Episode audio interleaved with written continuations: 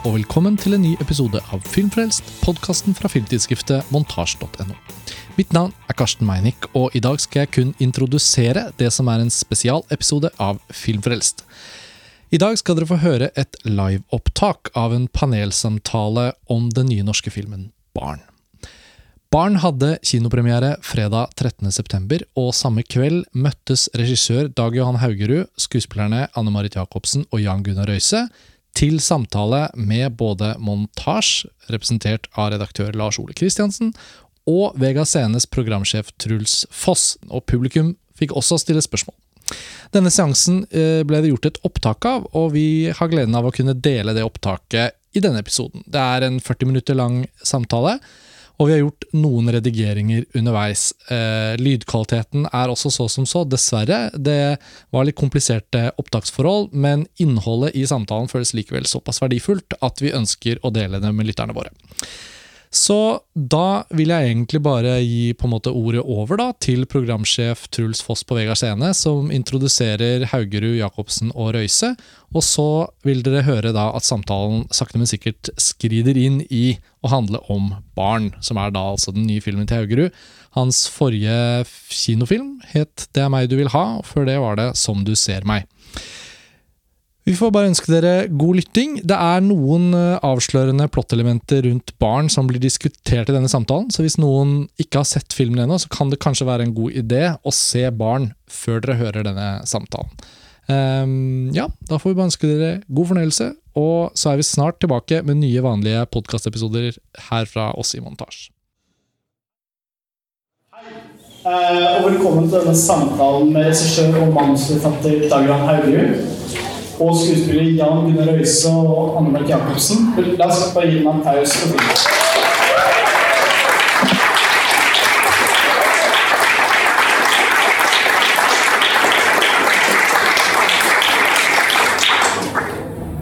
Ja. Uh, dere har nettopp hatt verdenspremiere på Barn filmfestivalen i Venezia. Uh, man kan si verdens største filmfestival. Hvordan føltes det, og hvordan var responsen av det internasjonale publikum og kritikerne? Uh, det føltes jo bra, det må jeg si. Det føltes også litt skummelt å være der. Uh, mest fordi jeg ikke har vært uh, på en sånn type festival før på. Men det var veldig, veldig fint. Og festivalen er veldig sånn Du får så god mottakelse av de. Og det blir sånn tatt godt tatt vare på. Eh, men når det gjaldt publikum, så jeg satt ikke inne og så visningen på premierevisningen, men det var sånn kunne etterpå.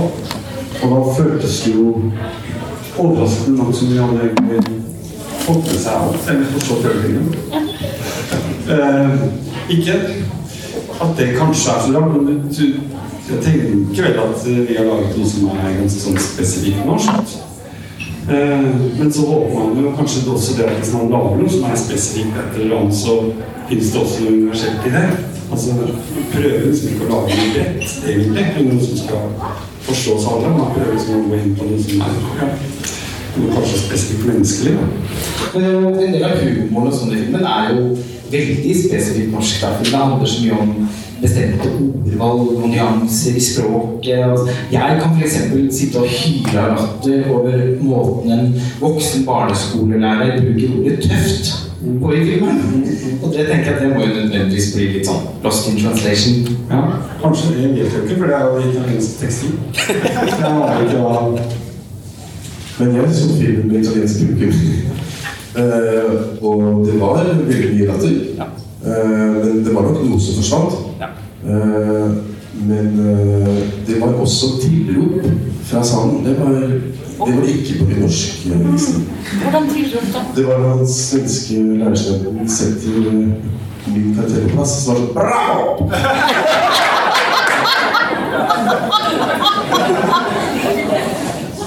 filmen handler jo i det hele tatt veldig mye om språk, tenker jeg i hvert fall. Altså om at det eksisterer en avstand mellom tanker og ord, og følelser og ord, og at det som liksom detter ut av munnen vår, ikke alltid lander helt sånn som vi har tenkt. Fordi at vi alle opplever, eller koder ord forskjellig. Ja, og opplever ting forskjellig. Men Som både handler om hva slags ord man bruker, selvfølgelig, men også om eh, den enkelte persons sensibilitet og liksom, følsomhet overfor hvordan ting blir sagt. Eh, og det syns jeg er kjempespennende. Jeg tenker jo og har opplevd og erfart så mange situasjoner hvor man føler at man rammer hverandre uten at det er tiltenkt at, at man skal gjøre det. Bare med feil eller feil vendinger eller feil er liksom, så språket er på en måte så Du kan si at det er utrolig eh, rikt eh, og utrolig fattig på en gang, på en måte. Eh, men det er kanskje ikke fattig, men det er sånn Du bør være så spesifikk, og det er det ingen som klarer å være. Så du vil liksom aldri ha helt sånn oversikt over språket ditt lander. Eh, Men her er det jo veldig mange karakterer som leter etter å finne det rette språket hele tiden.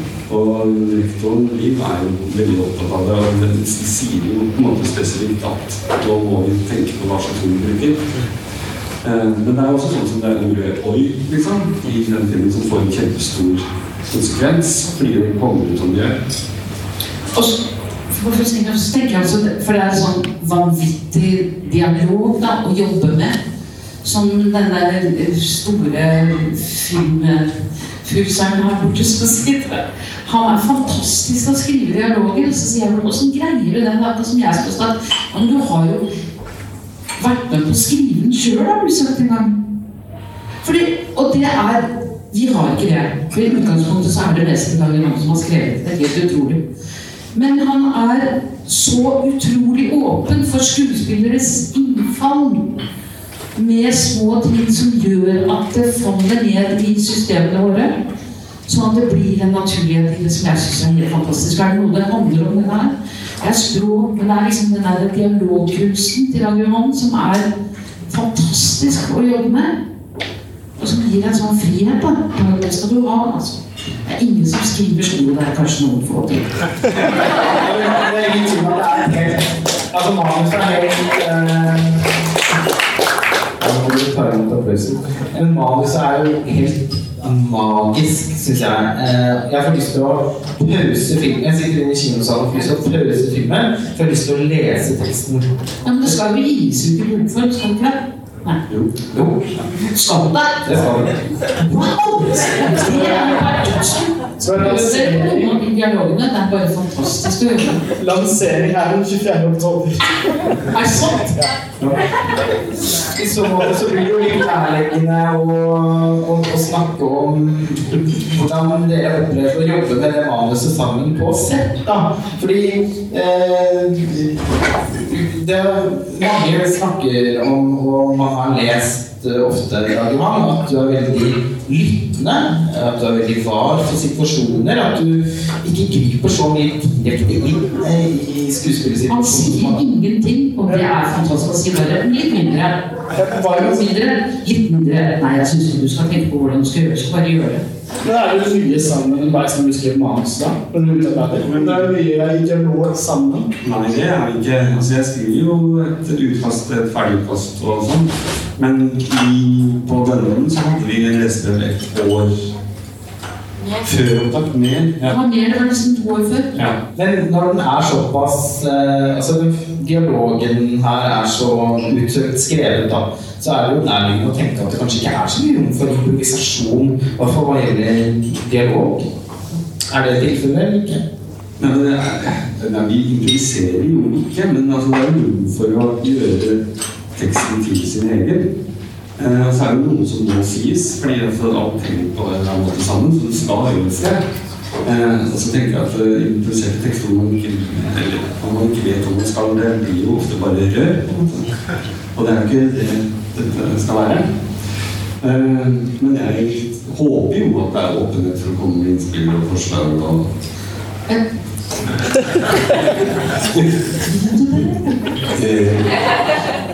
Jeg følte at det, at det var lite rom for improvisasjon. Eh, og det var veldig godt, egentlig. At vi gjorde jo veldig mange leseprøver, og vi, ja, vi jobba veldig mye med det i forkant. Eh, og så, mens var det etter en prøve, så spurte jeg det her litt flaut, spurte jeg men eh, hvordan er det, syns du at jeg burde fjerne på ryggen? Og så kom jeg på å lese manus noen dager senere og plutselig er det blitt, en replikk. Så da var jeg litt back to improvisert. Ja, det er flere som man har tatt underveis under Når vi først selvfølgelig er en ferdig manus som er helt fantastisk å lese. Og det er bare du sier bare ja takk at jeg skal få lov til å være med på det. Men så underveis i de, der, for de omganger vi har hatt med manusene, så har jo du lyttet til våre små ting, liksom. Sånne små dumme replikker som jeg sier som da kommer jo det inn. på en måte. Det gjør jo det. Sånn, Det er det det gjør. det som er på måte innspillene. da. Men det er ikke en det er ikke sånn at vi sier liksom at denne scenen skal handle om det. Sett i gang og improviser. Sånn. absolutt ikke. Når vi er inne på dialog eh, Tidlig i filmen sier Henriette Stensrup karakter, rektoren på skolen Det jeg har sagt mest i dag, det er beredskapsplan. Ikke et ord om sjokk og sorg og hva vi føler. Det, jeg syns det sier eh, alt om hvordan vi beskytter oss bak ord da, i filmen. Og hvordan ord abstraherer. I den scenen der så blir det også sagt ord som tiltak og inspeksjonsplan. Og det er noen sånne ord som i den sammenhengen egentlig virker ganske fremmedgjørende. I en sånn type situasjon, i hvert fall. Ja, ja, men det er sånn noe som hun er nødt til å forholde seg til som rektor. Og det er jo kanskje kritikken hennes òg av prosedyrene og systemet.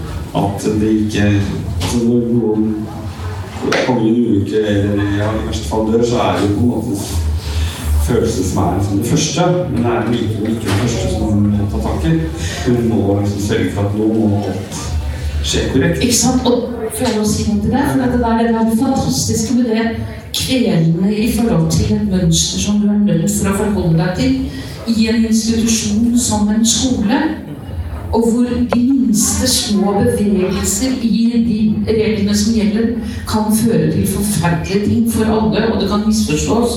Og det kan brukes i forhold til at det kan ikke du si her i forhold til det. Så det er en sånn eh, utrolig vanlig Det er sånn hemsko i de der reglene som er satt i en sånn situasjon, hvor man er så fullstendig ute av balanse, liksom. Altså, din rollefigur i filmen, uh, Ja, ja, si, altså, Veldig tidlig i filmen så sier din rollefigur noe litt sånn forstemmende og livsmett, uh, syns jeg. Uh, skal skal jeg bare skal jeg lese den replikken? Så, og på en eller annen måte så føler jeg at du foregriper hva som skal skje videre i filmen. Du sier ja, ja, da har vi det vanlige, da. Det blir etterforskninger og utredninger og gjennomgåelse av rutiner og Åh, Det slutter med det der med alle har sine versjoner og så kan man ha anklagen og fordeling av skyld og krav om garantier for de som ikke kan garanteres. Sier du. Jeg tenker, Hva er det det kan fortelle oss om den generasjonen som din rollefigur representerer? Jeg, tror- jeg tror ikke det har noe med generasjon å gjøre. Jeg tror hun er et veldig klokt menneske. Er ikke sant, Johan? Jo, jeg tror også det. Mm. Jeg tenker at Hun har jo sett dette før, hun vet hvordan det systemet fungerer. Men det vi prater om nå, er jo også noe som um, har eller ble, altså Jeg gjorde jo research til denne filmen rett etter eh, 22. juli.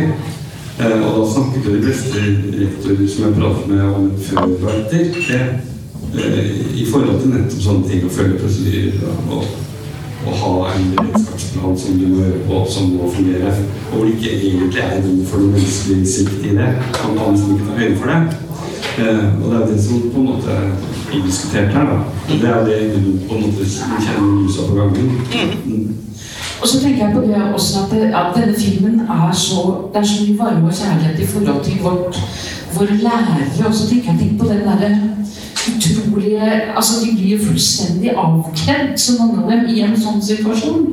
Og de gjør jo bare De fleste av lærerne i Norge er verdens eh, så godt at vi har dem, på en måte.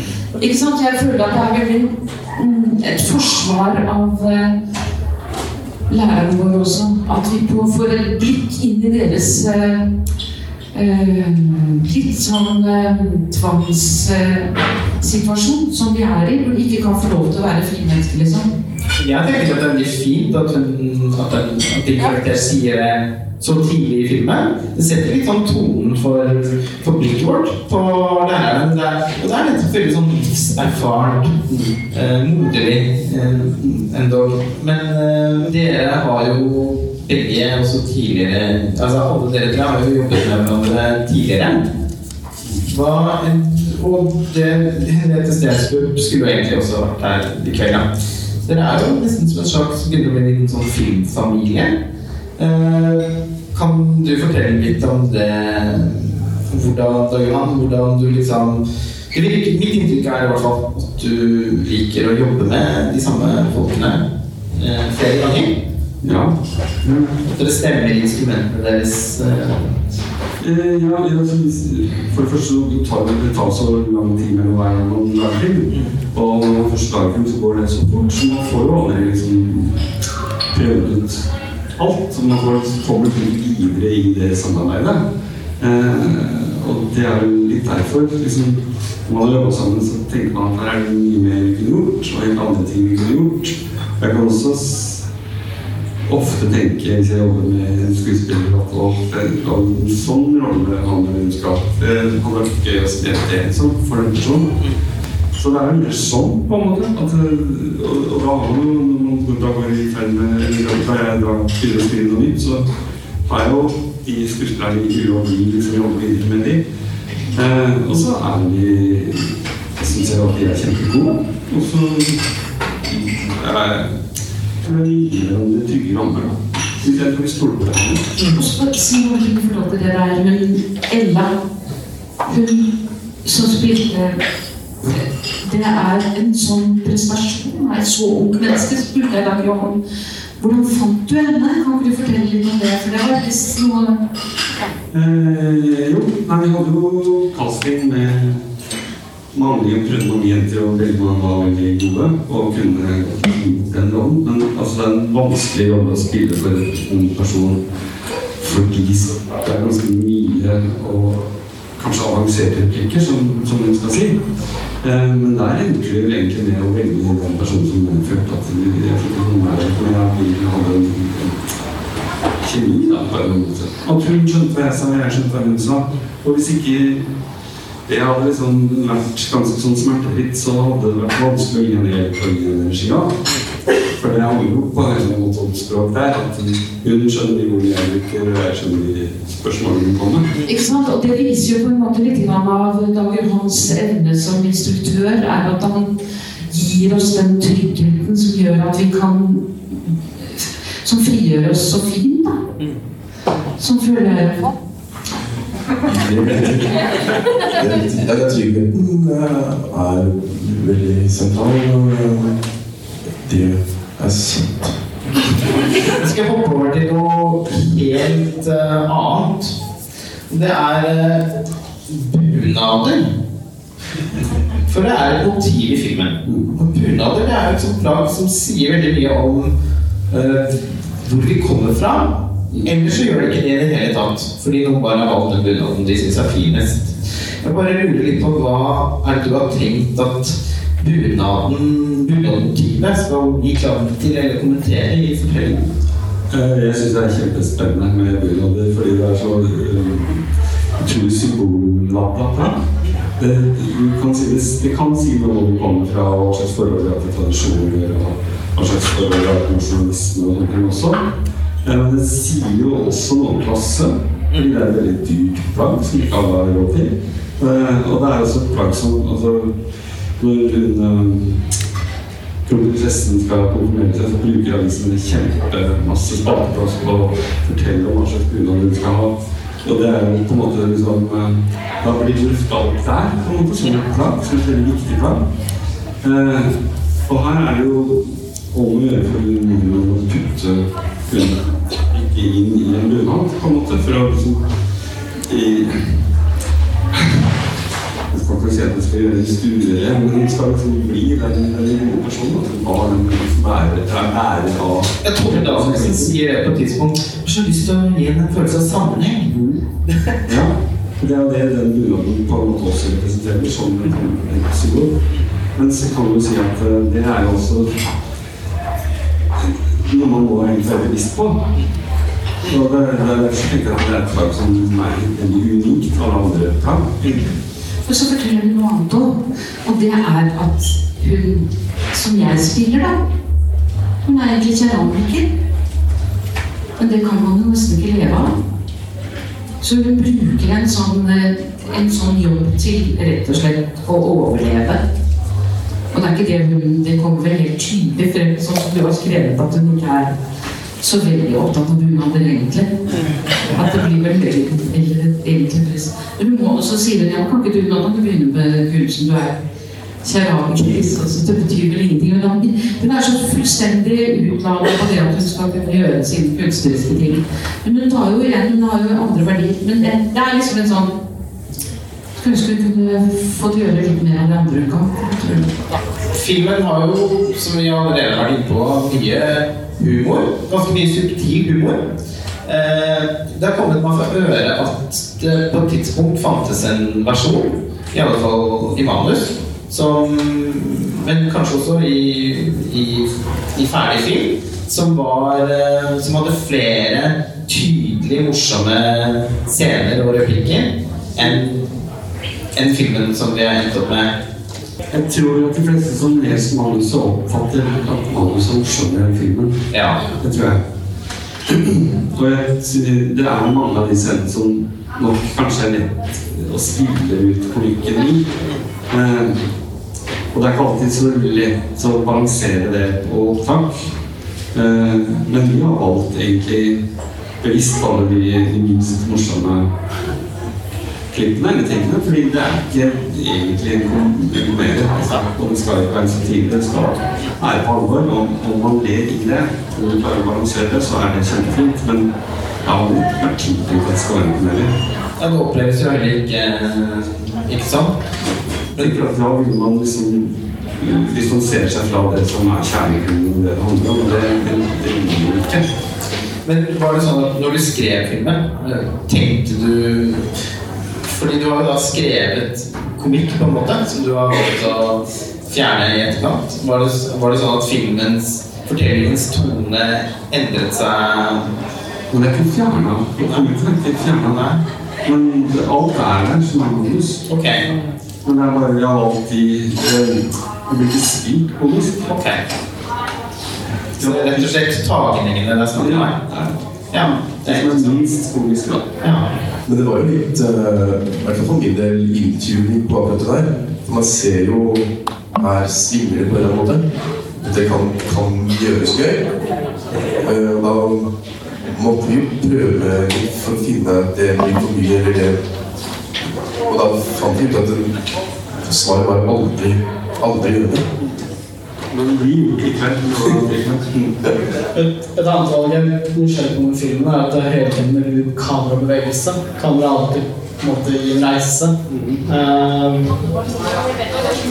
Eh, eh, Ja, og de tidligere filmene jeg har i kamerabevegelse, egentlig. Handler litt om budsjett, men også litt om eh, at det var forskjellige versjoner fra en film. Og i denne filmen så hadde vi egentlig lyst til å være ting som var nesten i bevegelse hele tiden. Og for å gi en eller annen følelse av at man som eh, publikum, da, eller tilskuer, hele tiden var på jakt etter å finne ut liksom, hva som eh, har skjedd her. Og at vi skulle binde bildet fast til noen enkelte karakterer. I starten, selvfølgelig. Men noen som er åpne i det, være i bevegelse i og ta inn hva man ville, på en måte. For det var også veldig Det sto veldig ut for meg, og særlig når jeg så filmen for andre gang, at kameraet er i bevegelse nesten hele tiden. Det er en veldig audiovisuell film. Jeg må også si at jeg fra før av heller ikke syns det er noen grunn til å si det. Men jeg opplever av og til at folk omtaler deg som en litt sånn litterær filmskaper. Og da kan han skriver fantastiske manus. Eh, men, du er også en visuelt orientert filmskaper.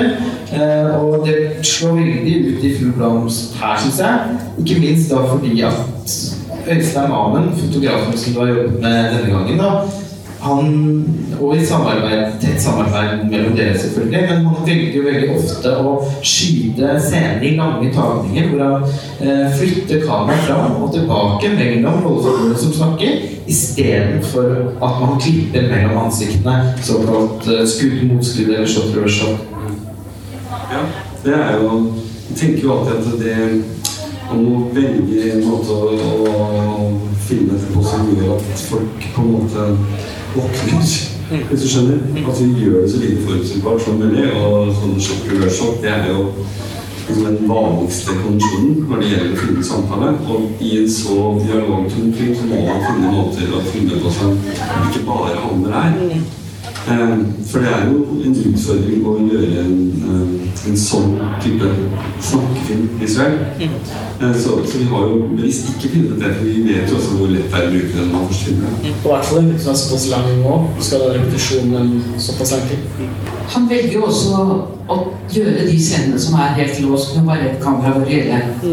Hvor det går liksom eh, 20 minutters samtale på lærerværelset med en som jeg bare elsker sånne ting. Har du en kommentar? Ja, jeg har en kommentar til det med at, eh, at det er dialogtungt i deg. For at vi må jo snakke om kropp. At det er faktisk veldig mye kropp i filmen. Vær så god. Jo, takk. Jo, det, det har vi også tenkt mye på. Altså, du må, det er jo du, Når du skal gestalte mennesker, så kan du ikke bare gestalte liksom, dialogen. Du må jo ikke gestalte kroppen i rommet, fordi kroppen noen ganger er Det sier jo vel så mye. Og det har vi også jobba mye med. Det er veldig stilig, da, fordi kroppsspråket og positurene til de forskjellige rollefigurene i de liksom bildekomposisjonene er veldig uttrykksfulle. Eh, og en annen en filmskaper som eh, så fremt det var mulig, aldri brukte shot reverse shot. Og som var veldig opptatt av og nesten hadde en teatral tilnærming til hvordan man Eller teaterinspirert i hvert fall tilnærming til hvordan man eh, plasserer rollefigurene i et, eh, i et filmbilde. Det var Akira Kurosawa. Eh, men jeg har lyst til å snakke om en annen japansk filmskaper som det aner at du kan være litt inspirert av.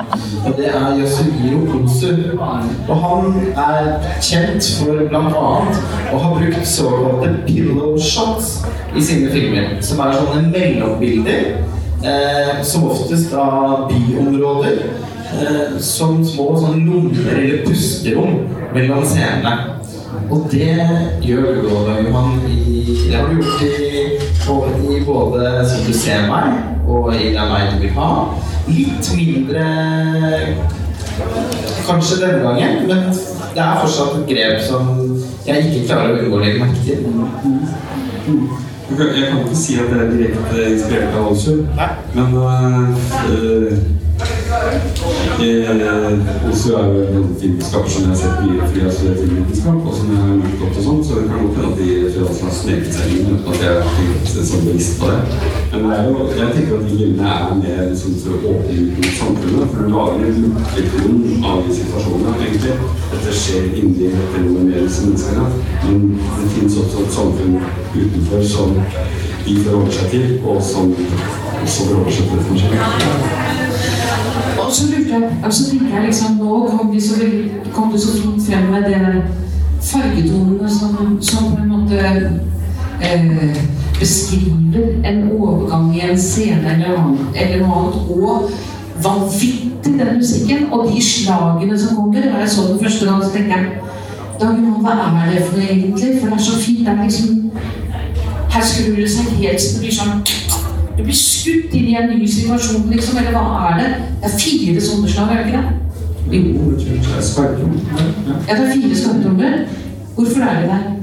Ja, Det er for det er å gjøre akkurat det som du sier. Ok. For å slå inn i situasjonen. Fargeskalaen i det Det er bare å vise en slags diversitet. Ja. Som mange farger. Så bra. Så mye. Så mye. Ja, fint. Det er litt sånn eh, nesten sånn orkestrale filmen eh, blir også sånn understreket av filmens åpning. Kan du fortelle litt om den? Uh, ja, hva tenker du på? Gilde eller lyden? Eller begge deler? Begge deler. Begge deler, ja. uh, Selve åpningen er jo egentlig når jeg fant Side Story. Hvor de gjør egentlig det samme, på en måte. Uh, hvor først eh, ser masse farger og streker, og du vet ikke helt hva liksom, hvordan skal dette, hva skal dette være. Du prøver å finne kanskje en mening i mønsteret. Eh, og så trer det fram til slutt. Eh, og så jobba ville jo finne en eller annen form for å lage en slags ortyre. Eh, og så prøvde vi veldig forskjellig musikk for å liksom, få til det. Mye mer enn klassisk musikk. Men så begynte vi å lage et annet som musikkonkret verk. Flere sjaffer. da var laget noe som kan handle om dette her. Så det er alle har blitt inspirert av det til å lage det. Og jeg har vært inne på at det er en musikalitet i filmspråket her. Det er noe med dialogestetikken som eh, som er, ganske, som er veldig distinkt. Eh, og den er to timer og 37 minutter lang. Det er den lengste norske filmen siden Hold pusten. Kristin Lavransdatter. Eh, og jeg er innmari glad for at den har fått lov til å puste på den måten. Det er en film som ville blitt, min, litt mindre om den ble kortere. Og skal jeg være helt ærlig, så hadde jeg veldig gjerne skulle Jeg var veldig lei meg da den var slutt. Men eh, hvordan Man hører jo veldig ofte da, når man snakker med filmskapere, at det er så mange begrensninger overalt. Norsk Filminstitutt setter så mange krav. Man får ikke lov til å skyte på en rå film selv om man egentlig har lyst. Eh, det er ikke mulig å få et budsjett som tillater det ene og det andre. Og man har så og så mange innspillingsdager, og mer kan du ikke be om. Og det som du ikke løser på sett, da må du løse det i klippet, osv. osv. Var det på et tidspunkt et problem å få gjennomslag for at filmen din skulle bli så lang? Altså, I utgangspunktet så var det en avtale mellom meg og produsenten at vi skulle lage en film som kunne være omtrent så lang ville. mulig. Så det var det vi gikk inn i det liksom, med. Men så slår jo på en måte realiteten inn etter hvert. Og eh, mest for han egentlig, på produksjonsselskapet. De skal jo selge filmen, de skal ha med konferansiører og sånn. Da er alle skeptiske til en lang film. Og det skjønner jeg jo, fordi hvis du skal liksom ha en skal forhandle med en portugisisk distributør som skal liksom sette opp en tre timer lang norsk film på kino. Men det er ikke sikkert jeg heller ville gått og sett liksom en tre timer portugisisk film på kino her. Det ville kanskje tenkt meg om, eller valgt noe annet. Eh, så det er jo det, det er jo liksom det som er realiteten. Eh, så det er ikke egentlig så mye motstand, sånn kreativ motstand. Det er mer liksom hvordan skal vi få dette ut hvis den blir så lang. Eh, så i utgangspunktet var det ikke så mye motstand, men så ble det kanskje litt uh, mens vi klippa, fordi da merka vi liksom uroen eller engstelsen fra alle. liksom, Oi, tåler man dette og sånn. Da kan man si hele tiden at ja, det går jo noen Marvel-filmer som har vært tre timer. Men jeg skjønner jo også at det uh, det selger man jo i Portugal, men det selger man ikke. Ja. Vi får se om det kommer noe portugisisk. Men var, det, var filmen på noe tidspunkt enda lenger? Ja, det var den. Mm. Men det var jo Men det var heller ikke riktig at den skulle være så lang. Nei. Altså Den må jo finne på en måte sin lengde, sin, tempo, sin tempo og rytme. Og det tenkte jeg alle var åpne for, selv om jeg følte jo liksom en sånn press hele tiden for at bør bli kortere. Men det tror jeg kanskje var liksom, en sånn ytterpress. Forrige filmen var jo skutt analogt. Var det 16 mm? Ja. Eh, var det på noe tidspunkt noen vurdering å skyte den her analogt? Ja, det. Veldig elegant. Men det, du må jo gjøre noe valg i budsjettet til slutt. Liksom. Det handler jo, alt handler jo om altså, Du må forvalte de pengene du har, på best mulig måte, da må du gjøre noe valg. Det handler jo Da vil man kanskje ha flere oppdragsdager. Man vil ha mer grip. Men det er jo mange skuespillere. Altså det, det, er, det er ikke noe spesielt billig film. Det er ikke spesielt dyr film heller. Men du må på en måte gjøre litt invitering. Og da var det kanskje ganske enkelt. Vi må åpne opp for litt spørsmål fra publikum. Dere har jo nettopp sett filmen, så jeg regner med at det er noen som deler inn med noen spørsmål. Hei. Ja, jeg syns først og fremst det var en skikkelig bra film, så gratulerer med det.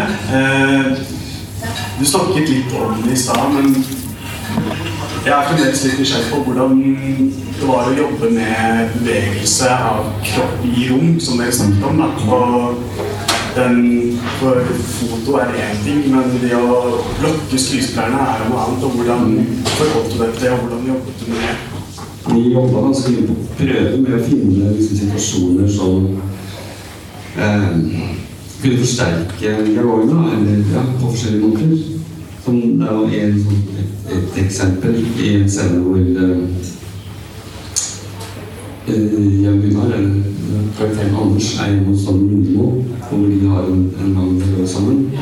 Eh, vi da prøver ganske mange forskjellige måter å gjøre det på. Og den mest eh, altså, det enkleste hadde vært at de hadde stått ved siden av hverandre på gulvet og snakket, eller de hadde sittet i hver sin stol sånn. Men nå valgte vi jo å plassere dem på noe som, som er sånn, liksom. Det står sånn. Og det ville man ha gjort i virkeligheten. Eh, men på film kan det funke likevel. Så det er liksom å finne sånne type situasjoner som kan funke. Mm. Og som gjør jo at scenen blir mye pressa på en måte. Hei, jeg vil også gjerne berømme for nylig film.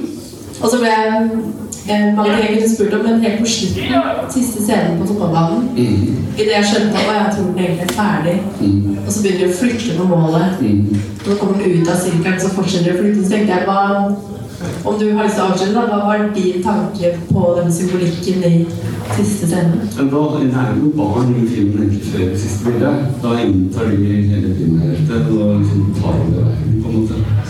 Eh, og så har jo den målet stått der gjennom hele filmen, som for mye sånn ja, ulykken og Jamie.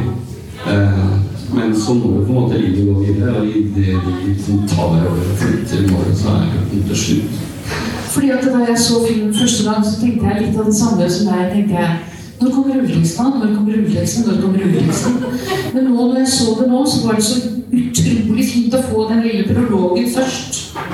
Med disse herres Og bare på en måte gå inn i en modus som er et eller annet annet enn det vi er vant til. Og så Nå var det så velsignet å se den utgangen med disse ungene som på en måte inntar fremtid, framtiden. For jeg syns det er så tøft det grepet Dag har tatt med at hun Hun blir stående med alt ansvaret, på en måte, i og med at Torbjørn får lov til å skjelle henne ut på den måten han gjør, så overlater de voksne alt. Selv om han tenker etterpå at det skulle jeg fader egentlig ikke ha gjort, så har han gjort det, og han har ikke bedt om unnskyldning og kommer aldri til å gjøre det. Så det er liksom den der over... Altså at man belaster de unge så enormt, barna. Det syns jeg er helt utrolig at du gjør. altså. Derfor er den slutten så viktig for meg når jeg ser handler gang. Når jeg så filmen, så tenkte jeg, kom jeg i tanke om en eh, film jeg har sett som heter Shortcuts. Den starter også i og for seg med en ulykke og mange forskjellige skjebner som blir vevd sammen. Er det, ser du et slektskap til Shortcuts-filmen, f.eks.? Nei, jeg liker ikke det. For det er en, eh, en film som jeg likte godt. Det er sånn, men jeg har ikke brukt den som noen inspirasjon eller hatt den som referanse. Apropos filmreferanser, så har jeg tenkt ganske mye på en film som heter 'Margaret' av Kenneth Lonergan. Er det noen her som har sett den? 'Margaret'? Noen ytterst på? Eh, det syns jeg i alle fall er en av tiårets eh, beste filmer. Og den, også i den så er det en forferdelig dramatisk situasjon som får noen av veldig sånn kompliserte avgreininger. En, en enkelt hendelse skaper sånn endringsprosesser hos veldig mange forskjellige rollefigurer. Og det ser vi også i Barn. Er den en film som du, som, som du har sett, eller som betyr noe for deg? Ja, visst. Ja, Den har jeg sett, for den betyr masse for meg. Det kan godt hende den også er en slags referanse eller inspirasjon som jeg ikke har tenkt på mens jeg skrev det. Ubevisst, i hvert fall. Eh, Men den har jo også noe som tar tak i en, av startskuddet til en karakterstudie, egentlig, av mange forskjellige karakterer. Og det er det som på en måte jeg ville var nå. Liksom utforske et, et univers med forskjellige karakterer. Eh, Tusen takk for en veldig fin film, som jeg syns hadde veldig mange lag. Ehm, jeg var litt nysgjerrig på navnet til, til personene. Eh, jeg kan Altså, lykken han tar den Lykke har sikkert en betydning her. Eh, Jamie var litt nysgjerrig på hvorfor du har valgt Hvordan har du funnet navnet? Hvorfor har du valgt å gi den et engelsk navn? Eh, jeg tenkte at Jamie kanskje er et sånt navn som ble på et eller annet tidspunkt veldig sånn populært med engelske navn fordi at TV-verdenen tre- trekker inn eh, og påvirker oss. Og plutselig så er, har mange barn eh, sånne type navn. da. Og så tenker jeg altså at det er en klassenøkkel, egentlig. Ja. det er ikke alle som ville kalt barna sine Jerry, men noen ville jo det. Noen vil være opptatt av av liksom på, på TV og, og sånn, og så tenker jeg at det er et kult navn. Jeg vet ikke om moren hans kanskje var engelsk. Nei, jeg tror ikke Det var et spørsmål til, var det ikke? Ja, hei, jeg vil si en nydelig, nydelig film. Um, jeg visste ikke så mye om den på forhånd, uh, og jeg satt der med en klar følelse av at det her må det være flere som har skrevet manuset. Um, men det var det ikke veldig imponerende. Jeg lurer litt på uh, hvor starta denne historien? Um, hva var det som kom først? Hva var inspirasjonen? Um, hvilke karakterer som uh, ble til først? Var det historie? Var det karakterer? Mm. Um, det, som kom først, var egentlig selve temaet denne gangen. Uh, jeg tenkte at jeg ville Fordi at forrige filmen min, som du ser meg, har uh, så tre forskjellige historier. Så tenkte jeg at det hadde vært eh, morsomt denne gangen å prøve å skrive én gang en historie med som har konsentrert om et tema. Og så er jeg veldig glad i filmer som eh, har en tittel som eh, Eller hvor filmen handler om akkurat det som tittelen sier at den gjør. Som f.eks. en, film som 'Johnny Smak', hvis du har sett den. Ja, det er jo en sånn film som alt i en film handler om Johnny Smak, egentlig. Og det syns jeg er liksom bra å kunne lage en så enhetlig film og med så mange lag, da, mange nyanser. Eh, kompleksitet. Så det er vel det som er på en måte det som var starten. At jeg begynte å tenke på eh, en tittel. Jeg begynte å tenke på barn, og så begynte jeg at det er jo interessert i på veldig mange nivåer, akkurat et tema barn.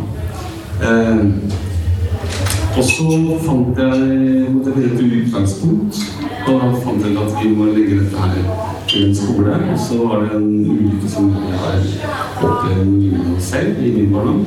Men jeg tenkte at jeg kunne bruke som startskole liksom, for historien. Og så ut fra det så er det jo på en måte karakterstudie, at du liksom bygger karakterer. Så det er sånn det er liksom konstruert. Tusen takk til Dag Johan, Jan Gunnar og Marit. Og tusen takk til alle dere som kom og så filmen, og som satt og hørte på oss etterpå. Hvis det er noen flere som eh, brenner inne med noe, så er det sikkert også mulig å bare ta kontakt med dere vi får igjen her. Takk for oss. Takk.